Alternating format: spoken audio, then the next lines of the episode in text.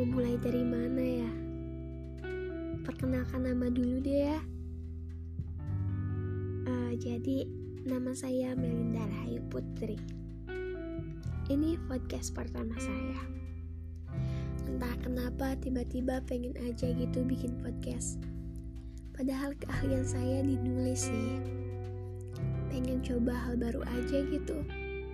By the way, mohon maaf ya kalau pembawaan saya kayak podcast cerita cinta yang sedih.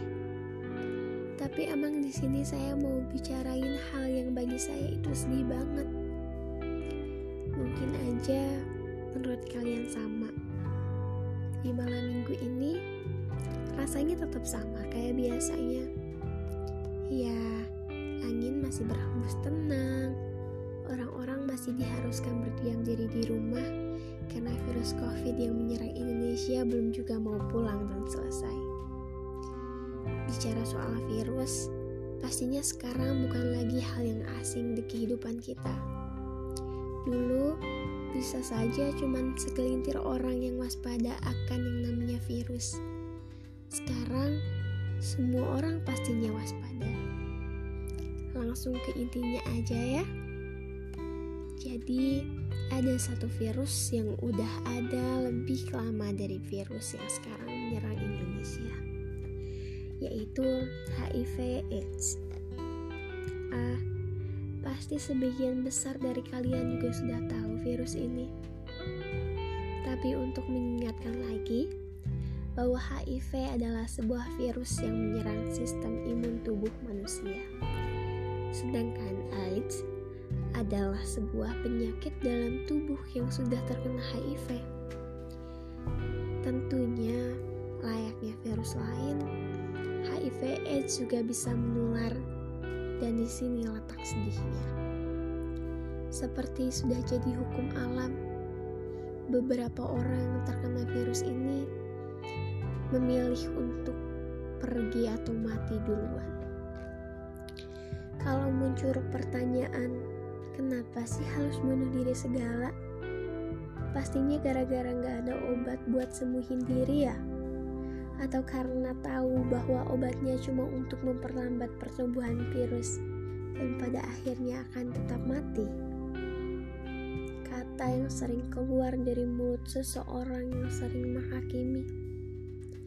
Bagi mereka, orang yang terkena virus ini adalah orang yang tidak baik Secara penularannya saja sendiri bisa melalui jarum suntik yang notabene bisa saja dari penggunaan narkoba atau sperma yang kesannya selalu melakukan penyimpangan seksual seperti seks bebas. Padahal bisa saja mereka hanya korban yang kita tidak mau tahu tentang bagaimana kejadiannya.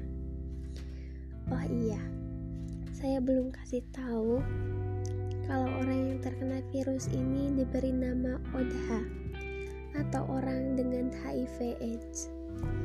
Sebenarnya kalau kita pikirkan lebih dalam lagi, kenapa beberapa ODHA memilih untuk mati duluan ketimbang bertahan? Faktornya bukan hanya soal penyakit, tapi soal manusia yang mematikan kemanusiaan soal kepedulian yang terus dibungkam, soal kita yang tanpa sadar berbicara menyakitkan, soal kita yang ketakutan dan pada akhirnya memilih untuk mengucilkan, tanpa sadar untuk mengambil peran kemanusiaan, tanpa sadar bahwa manusia punya kepedulian. Jujur, dulu saya ada di posisi demikian posisi orang-orang yang ketakutan dan tidak paham, hanya tahu bahwa penyakit itu berbahaya dan jangan sampai kita bertemu dan bercengkrama dengan para odha. Mengapa demikian? Karena saya dulu banyak mendapat pembodohan juga sering menerima hoax yang berlebihan.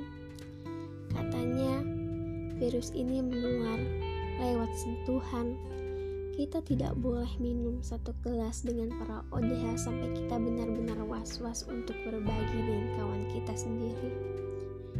Untungnya, Dulu saya pernah berniat masuk ke perawatan dan melakukan beberapa pelatihan tentang HIV/AIDS. Hingga akhirnya saya sadar, para ODH sama seperti kita. Penularannya hanya bisa melalui ASI, suntik, dan juga sperma yang tentunya tidak pakai pengaman. Maka dari itu berhenti menjauhi mereka ya. Bahkan anggap saja para odha adalah titipan Tuhan agar kita bisa belajar. Mari peduli HIV AIDS.